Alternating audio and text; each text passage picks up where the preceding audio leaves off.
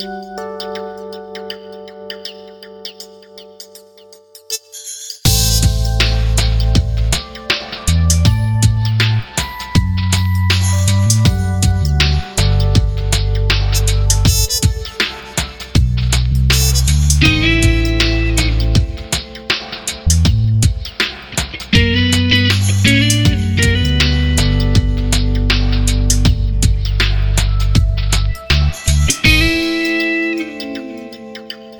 ni varmt välkomna tillbaka till Bibeln Idags podcast. Och idag så har jag tagit mig till eh, Johannelunds teologiska högskola.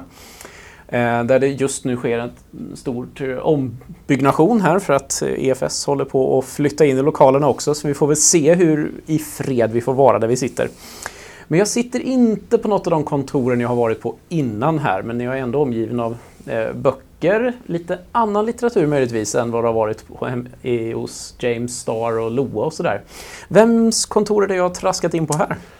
Du har hamnat hos Lars-Göran Sundberg. Ja, men välkommen i podden. Tack för det. Ja, du är ju faktiskt ett lyssnartips. Eh, det är därför som vi har eh, kontaktat dig. Ah. Ehm, jag behöver inte avslöja vem kanske, men det var en mm. lyssnare som hörde av sig och eh, tipsade om att du skulle kunna vara en intressant person att samtala med. Okay. Och eh, du ska få berätta lite mer om vem du är, men temat för dagen kommer vara Bibel och själavård. Mm. Och hur kommer det sig att jag sitter här för att prata med dig om det egentligen?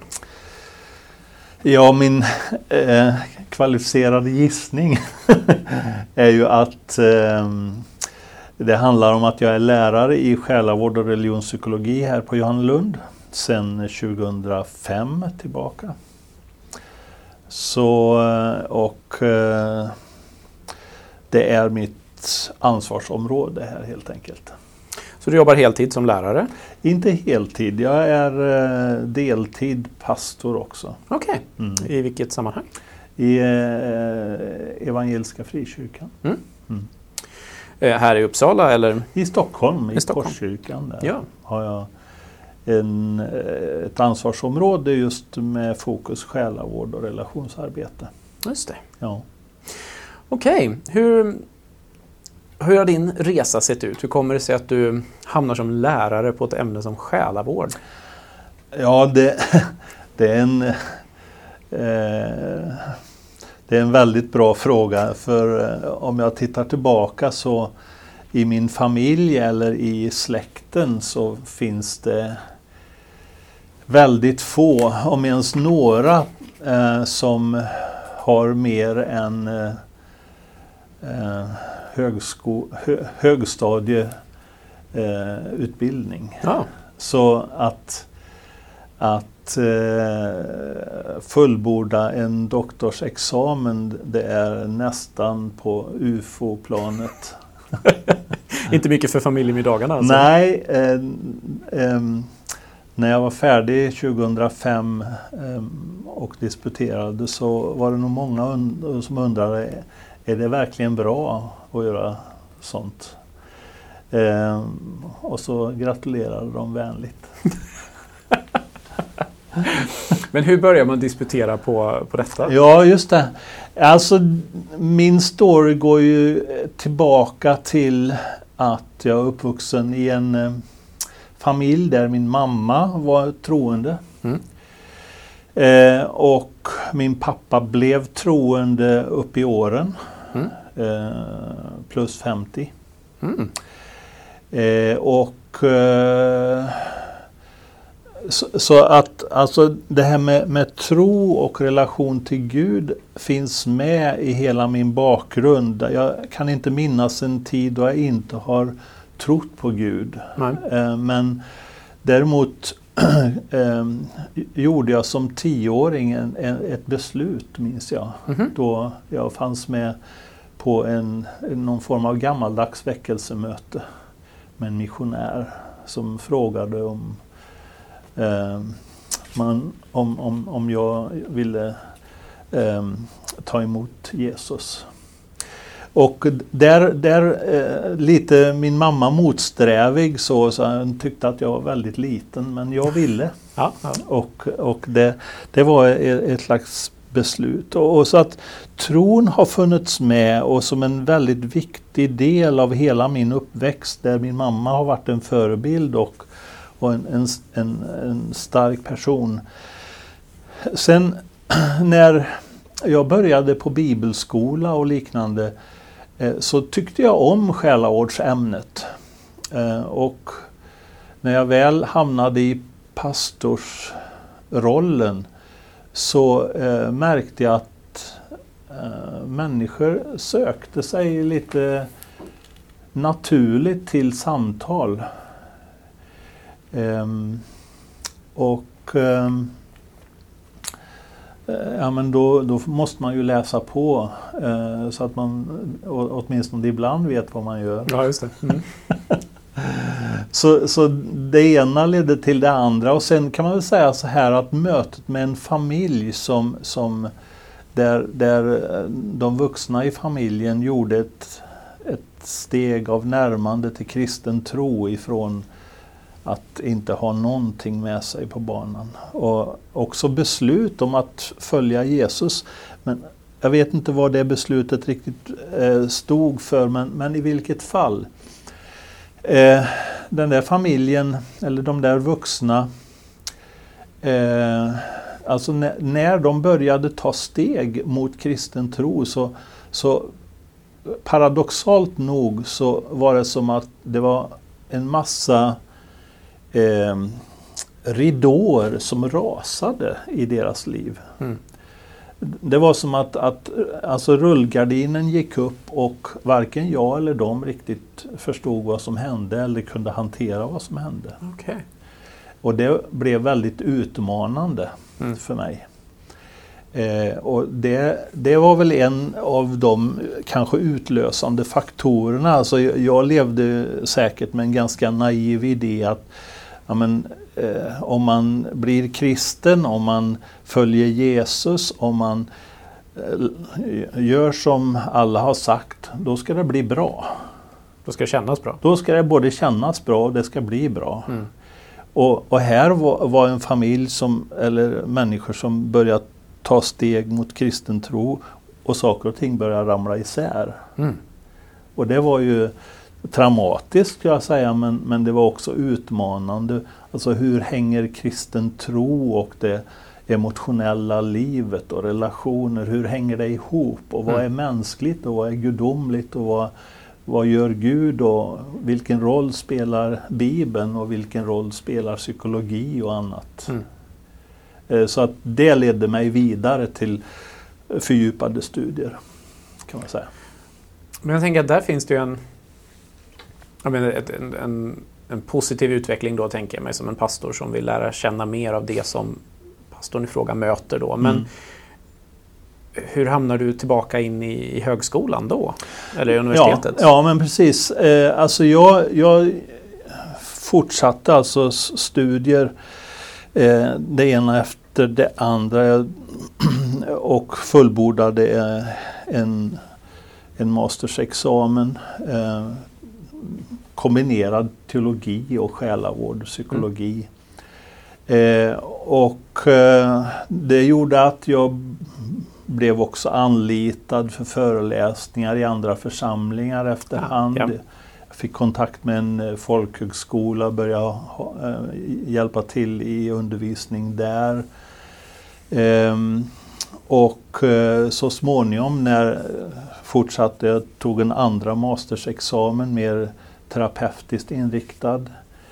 Och jag och min fru diskuterade, ska liksom, ja men vi blev överens om att jag ska satsa, satsa på även forskarstudier. Mm. Eh, och jag, jag kan inte säga att jag har haft någon varken längtan eller ambition att hamna på universitet eller högskola för att undervisa. Undervisning har funnits som väldigt nära mitt hjärta. Mm. En slags eh, kombination av undervisning och pastoralt hjärta skulle jag säga.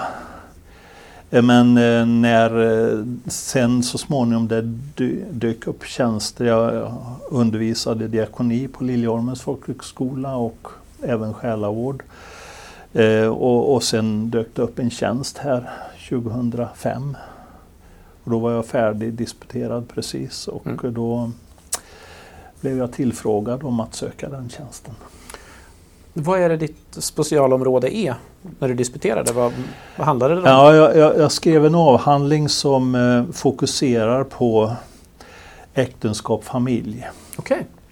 Och eh, man skulle kunna säga en kombination av, hur, av eh, ett slags teologisk värdegrund för eh, synen på äktenskap och familj och systemisk psykologi. Mhm. Alltså hur eh, alltså relationssystem fungerar. Mm. Mm.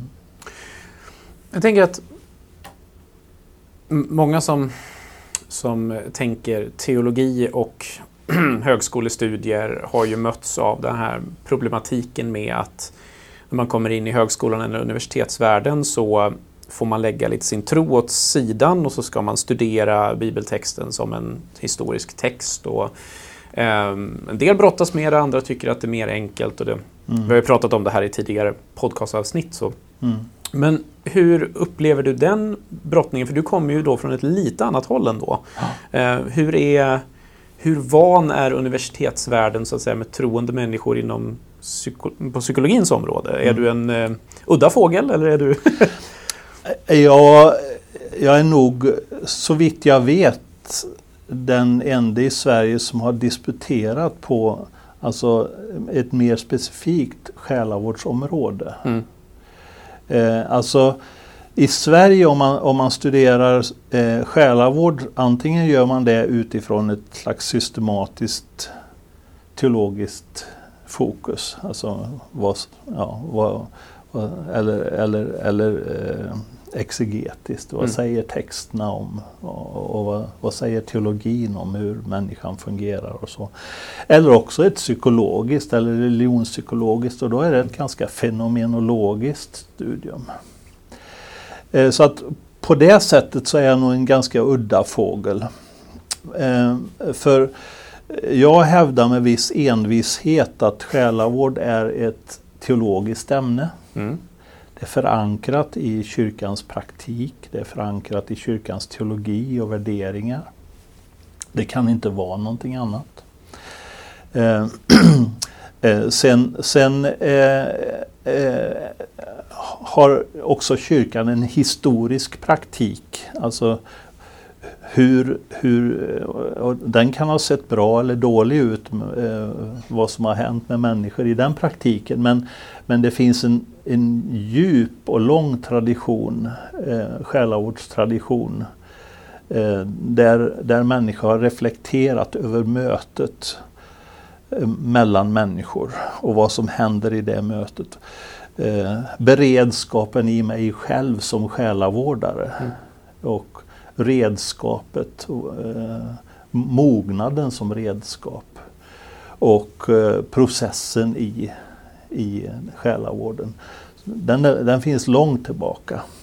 Så det, det finns både ett, ett historiskt och, och, och, eh, och systematiskt eh, rikligt, rikt material i kyrkans historia.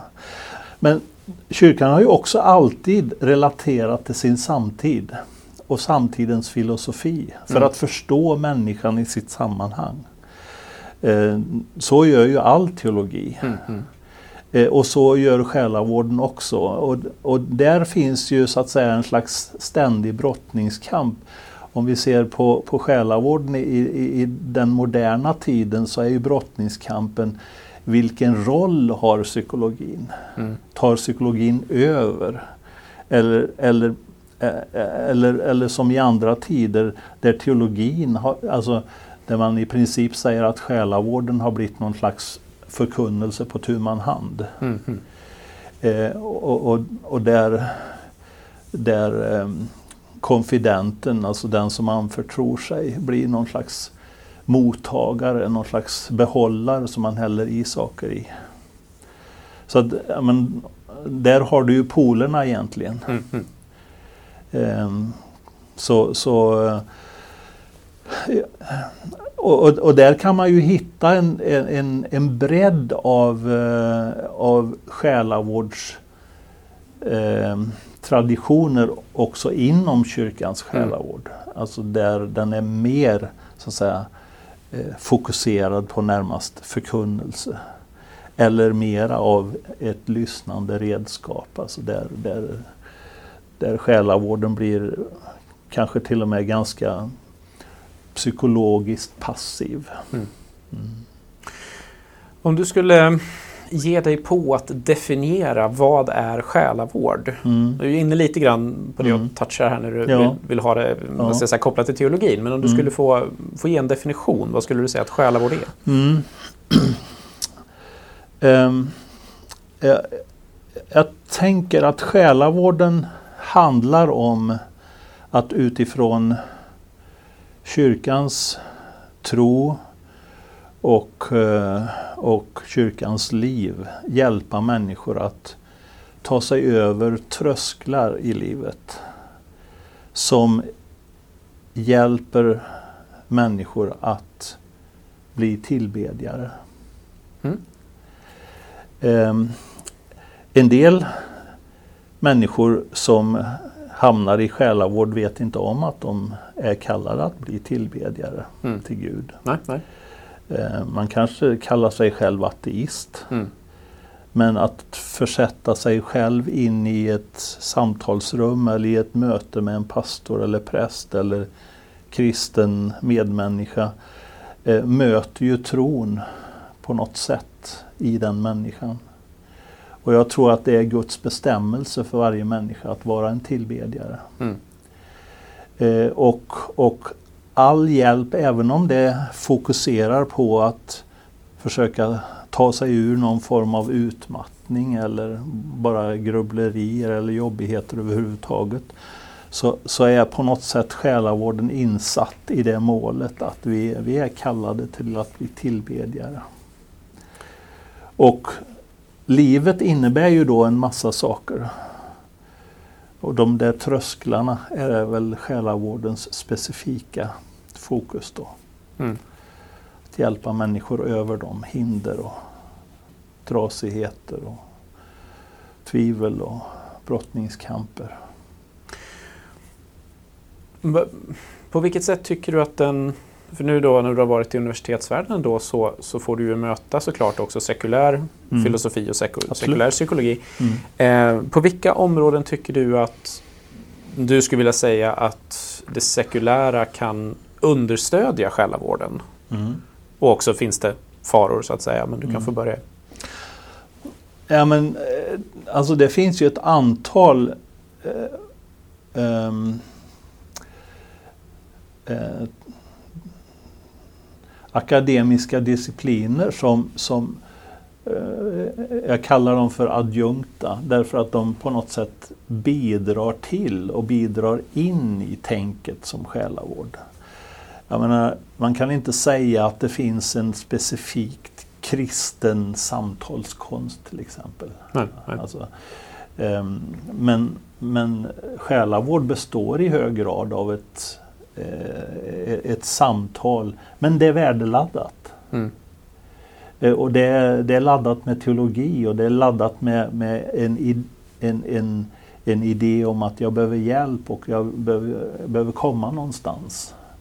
Men, men klart samtalskonsten i sig, det är ju kommunikation och det är, en, alltså, det är, det är alla möjliga, det är pedagogik och, och det är eh, våra psykologiska mekanismer och hur funkar en människa och vad händer i hjärnan och, mm. och sånt. Så att det är klart att, att eh, själavård eh, är en teologisk eh, disciplin men, men, men använder en massa kunskap ifrån en mängd olika områden. Mm.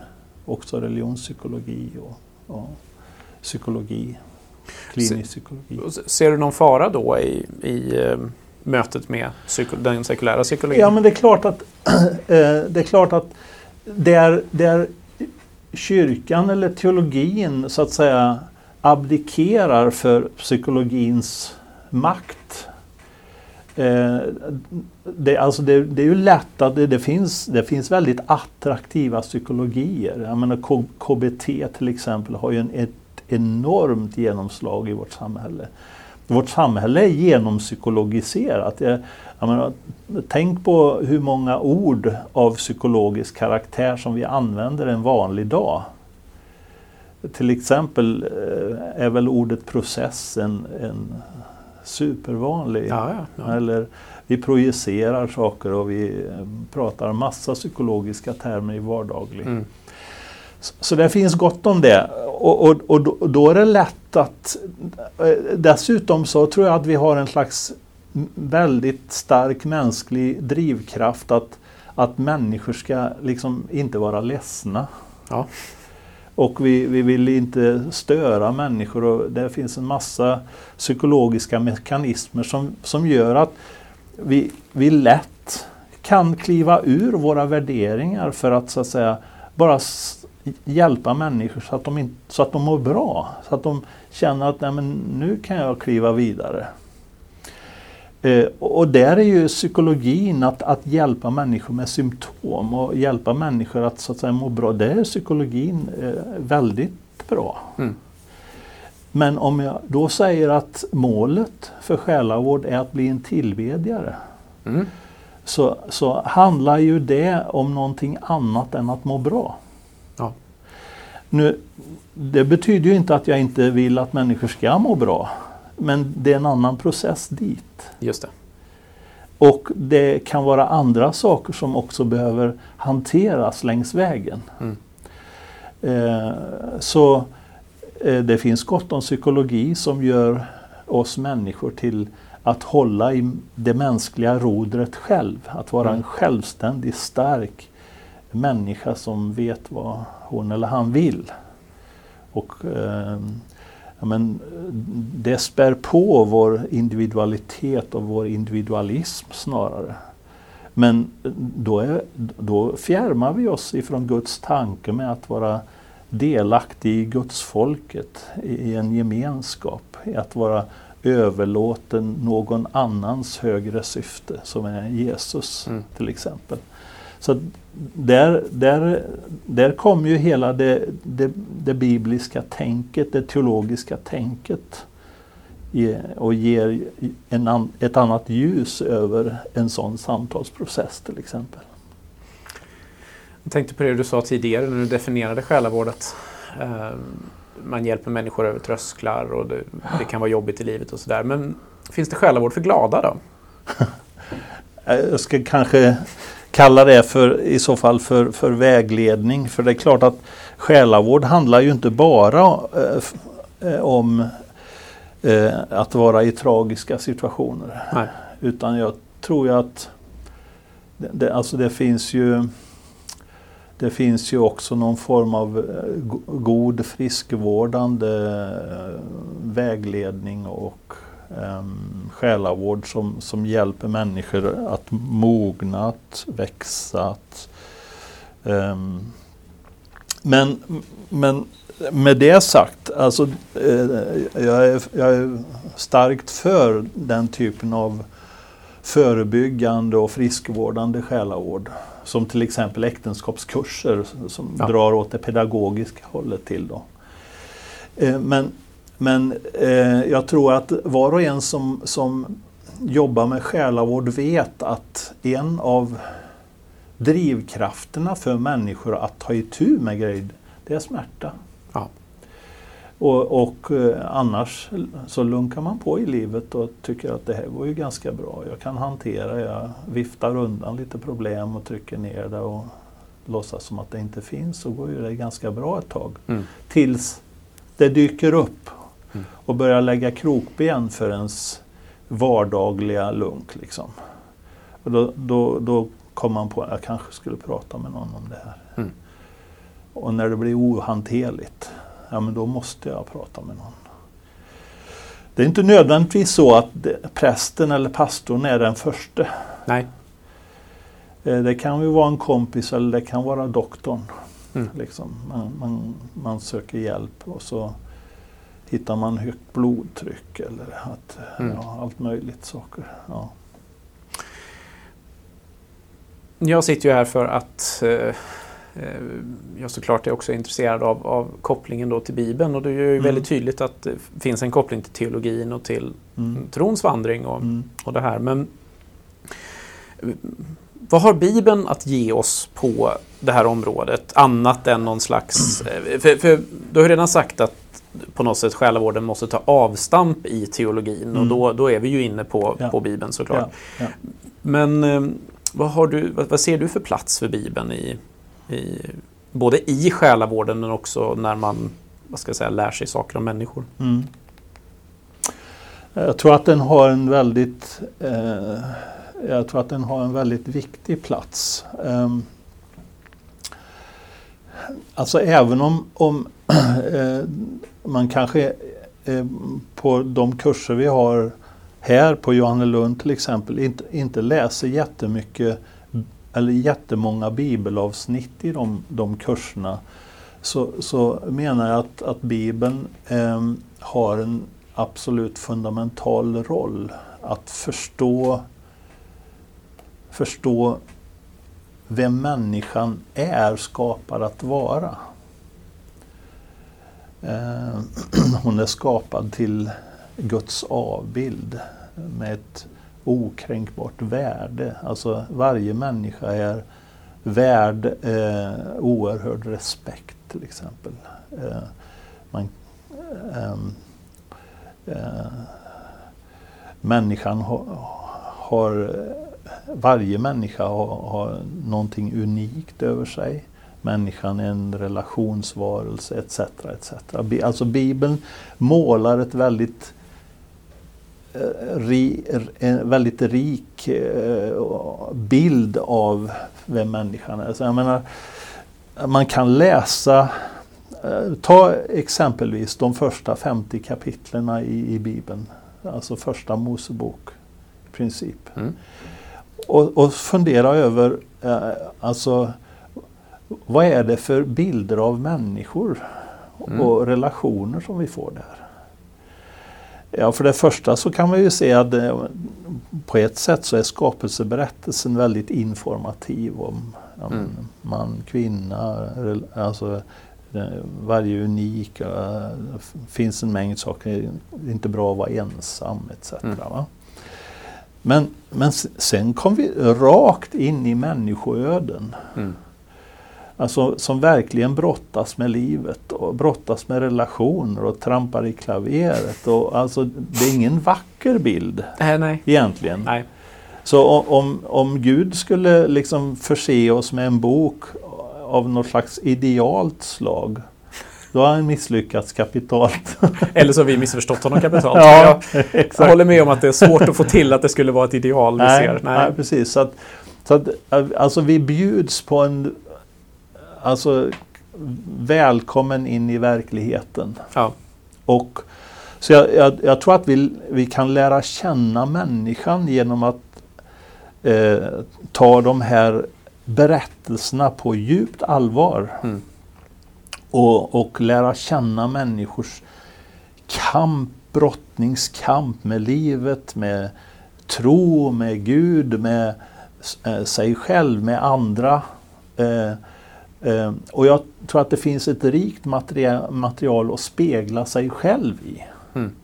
Jag menar, när jag möter människor i sorg till exempel, eller som har varit ut för en tragik av något slag. Eh, alltså det som slår mig det är ju att, att människor ha, alltså håller sig själv tillbaka mycket mer än vad Bibeln gör. Mm. Alltså om man läser texter i Saltaren eller, eller vad, hur, hur Bibelns människor uttrycker sig så är de betydligt rakare än de flesta svenskar skulle våga vara hos en själavårdare. Ja, jo. Eh, För de anklagar Gud och säger vad håller du på med? Du, du måste ju vara ond som håller på och Mm. gör sådana här grejer med mig. Och, och de flesta är så snälla och, och, och, och liksom välputsade som man säger. Ja, det är nog ödet. Eller någonting sånt här. Ja, ja. Så att man håller tillbaka. Alltså, så att spegla sig själv och våga kliva in i de här mustiga texterna och, och säga att nej men, det är ju faktiskt sådana grejer som rör sig i mitt eget liv också. Jag är jättearg. Mm. Eller jag är förtvivlad. Jag eh, kan inte stå ut med den här tanken. Och, och, och eh, eh, så jag tror att Bibeln hjälper en människa att eh,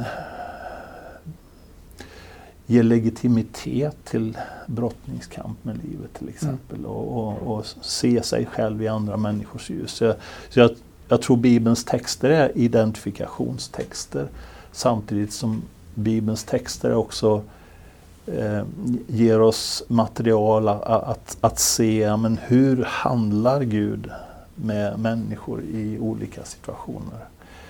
Eh, jag läser personligen själv eh, sällan bibelord i själva samtalen men jag kan säga kan, kan fundera till exempel ja, men om, om du plockar med dig den här texten hem och, och, och funderar på den. Har den någonting med din situation att göra? Mm. Till exempel. Just det. Eh, och, och, och sen kan man reflektera över vad som händer i den texten och vad som händer i den människans liv och vad som eh, Finns det öppningar? Finns det stängda dörrar? Alltså en massa saker som man kan liksom bolla fram och tillbaka mellan den livssituationen i texten och livssituationen som den här konfidenten kan, kan uppleva. Um, och um, nu, jag tänker ju att Bibeln har ju en slags en, en Guds auktoritet över sig vilket gör att texten också har en förlösande kraft mm. i um, konfidentens möte med texten. Så öppnar man sig för den så, så kan också någonting annat ske än bara det som sker i ett terapeutiskt samtal. Alltså, eh, jag tror att det finns jättemycket kraft i ett terapeutiskt samtal. Det finns väldigt mycket kraft där.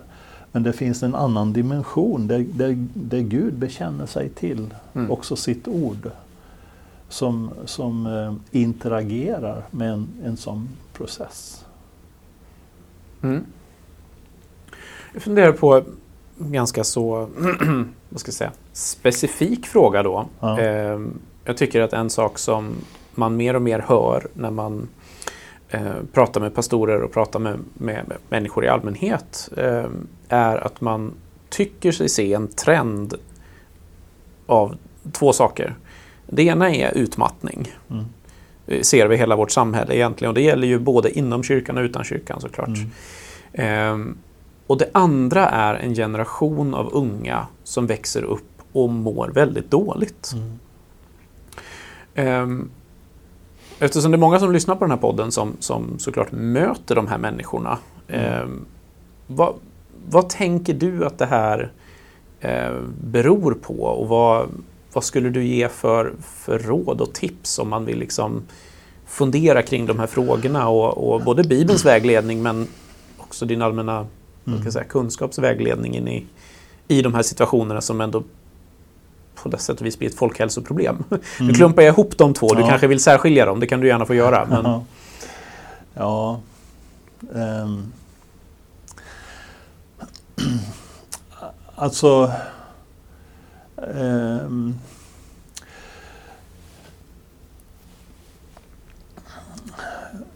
Alltså om vi börjar med hur situationen bland unga ser ut. Mm så tänker jag att eh, det finns väldigt mycket brottningskamp med identitet i vårt samhälle.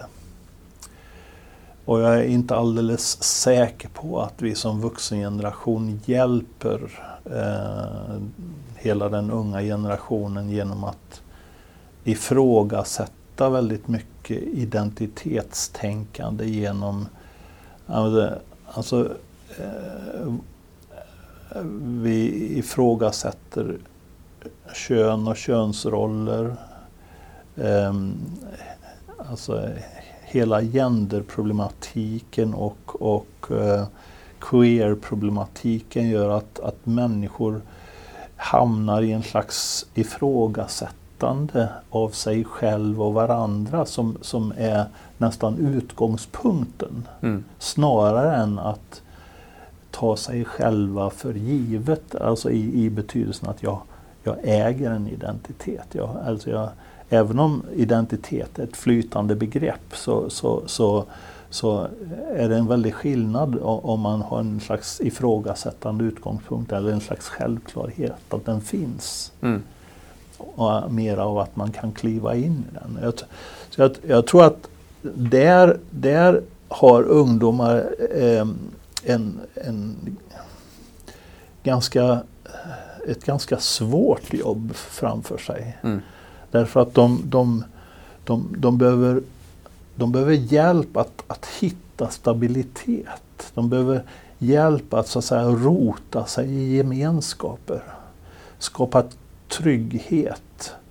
Um, uh, erfara sig tillräckligt älskade för att våga sätta ner sina liksom, rötter och bopålar i vem man är och vem man hör ihop med och så vidare. Eh, så att, eh, jag tänker att två grundläggande eh, mänskliga behov det är ju att vara trygg och att vara älskad. Mm. Och om man då tänker att, att, att ja, men hur kan en ung människa uppleva sig reservationslöst älskad och att känna sig trygg. Eh, menar, varje dag när jag läser tidningen så, så, är det så att man får fjärilar i magen. Liksom.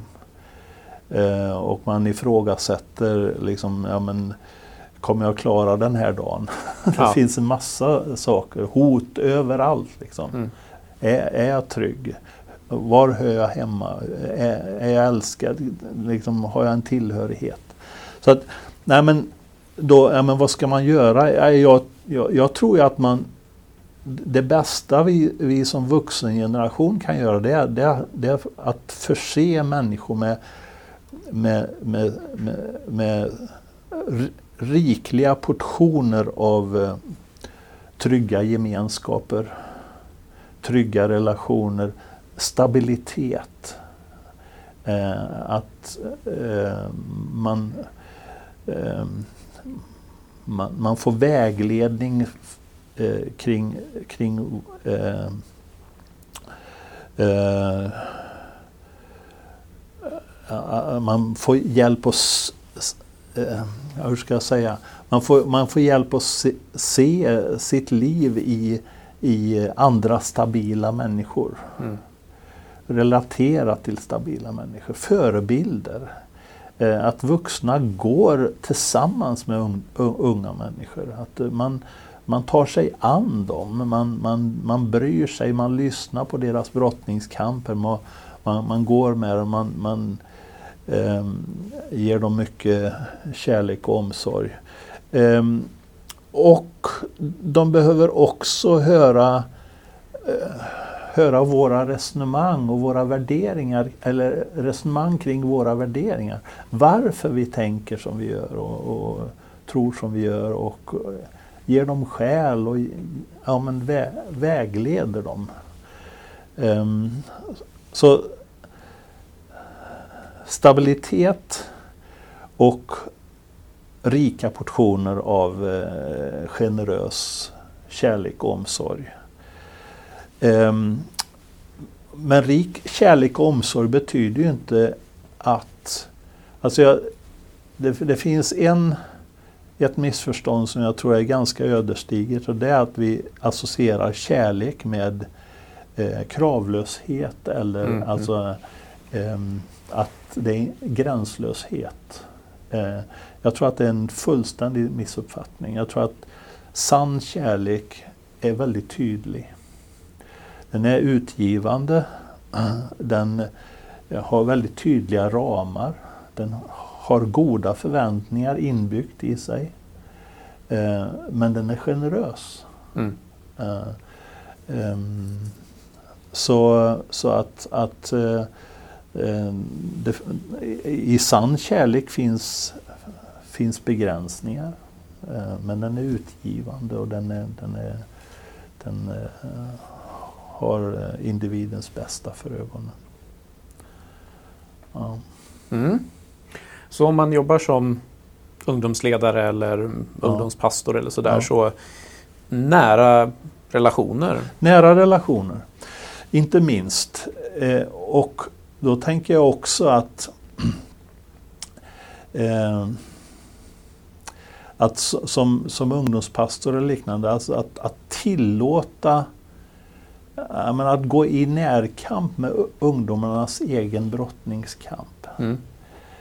Eh, jag tänker så här att ibland så blir vi kanske rädda eller känner men om, om ungdomar ifrågasätter så blir vi rädda och så backar vi eller så säger vi var skåpet ska stå. Mm. Liksom. Och så är det liksom case closed. Liksom.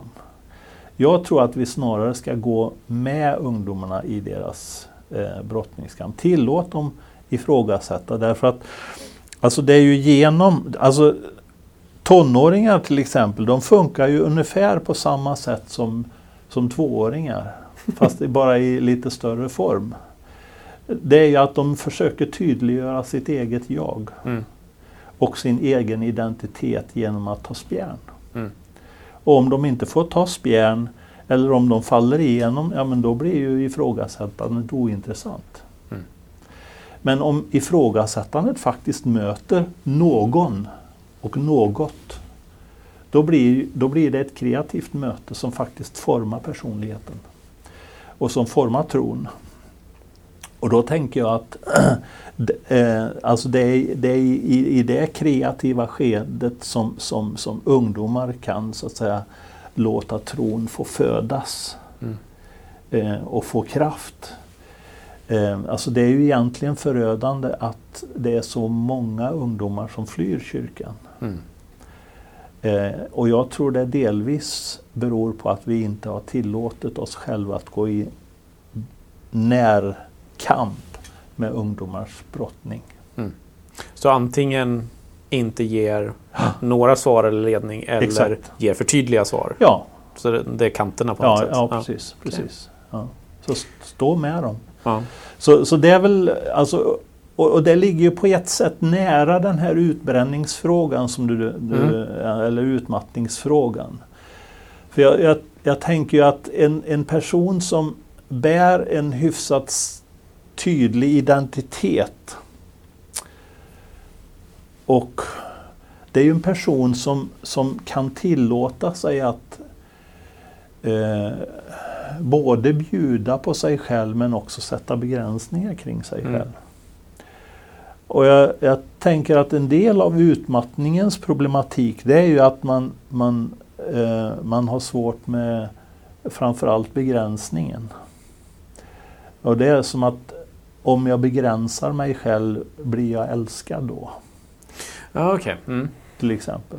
Alltså, kommer de att tycka om mig om jag inte hjälper till hela vägen ut? Mm. Eh, eh, alltså det, det är en del av problematiken. Eh, sen finns det, alltså, det, jag tycker det är intressant att fundera tillbaka i tiden, eh, också i andra kulturer.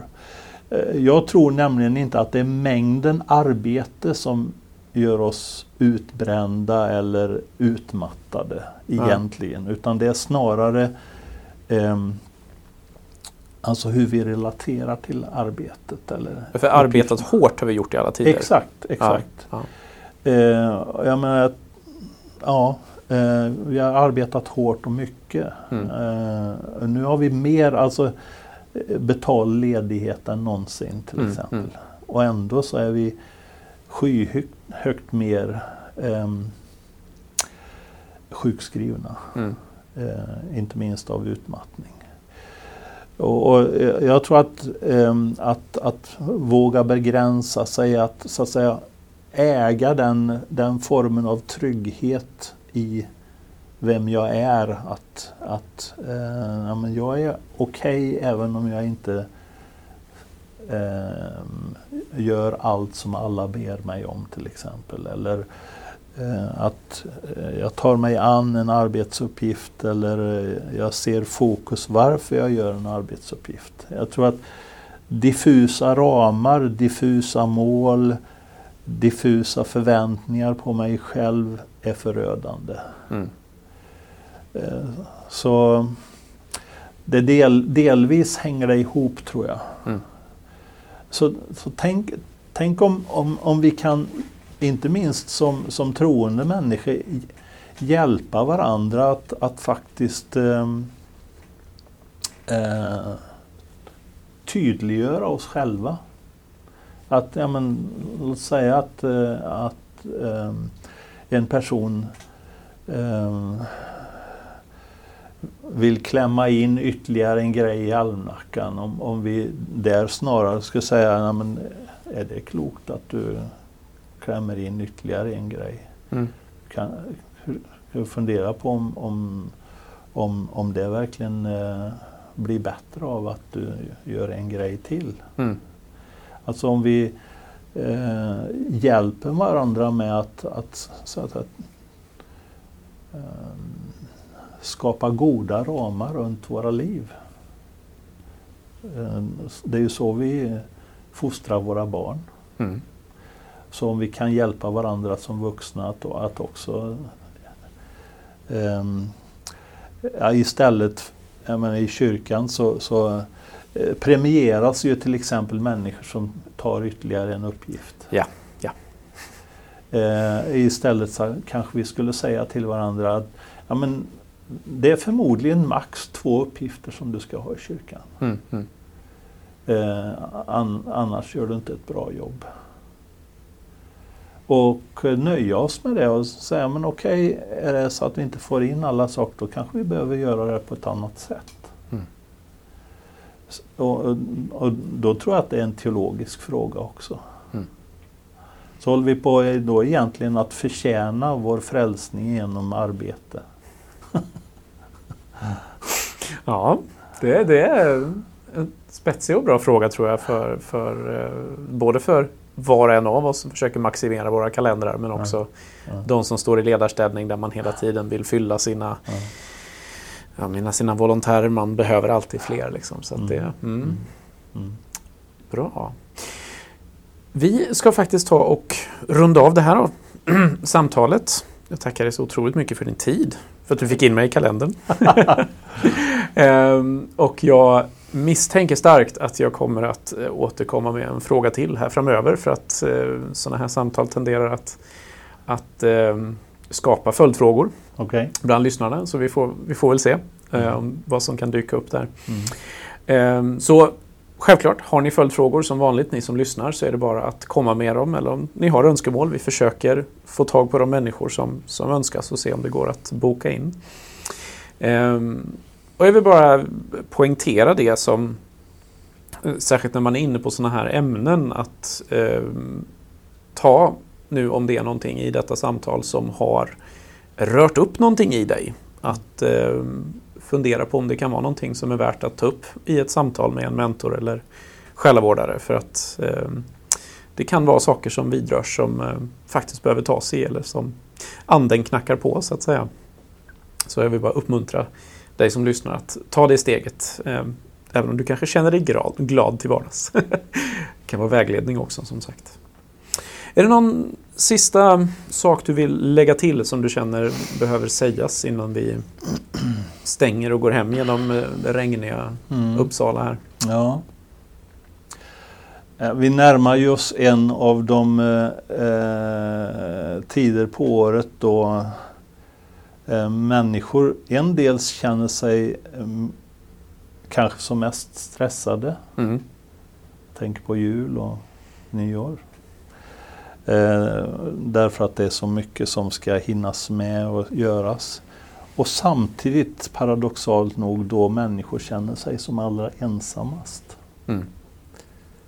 Ehm, det där eh, rör min egen själ lite grann när jag säger så därför att jag, jag känner med människor som, som, som ser liksom på något slags sätt att ja, men, det här är ju gemenskapens högtid på något Mm. sätt. Så tänk om vi kunde liksom kliva lite grann under den där eh, paketerade ytan och odla lite mer av det där nära, personliga och knyta an till varandra på sätt som, som vi inte riktigt har tid eller möjlighet med resten av året. Mm. Så backa lite grann och så kanske ta de lite mer personliga samtalen. De lite, kanske bjuda in någon eh, som du inte tänkte in i lite närmare in i gemenskapen och skapa en sån ny relation. Vilken bra utmaning att avsluta med.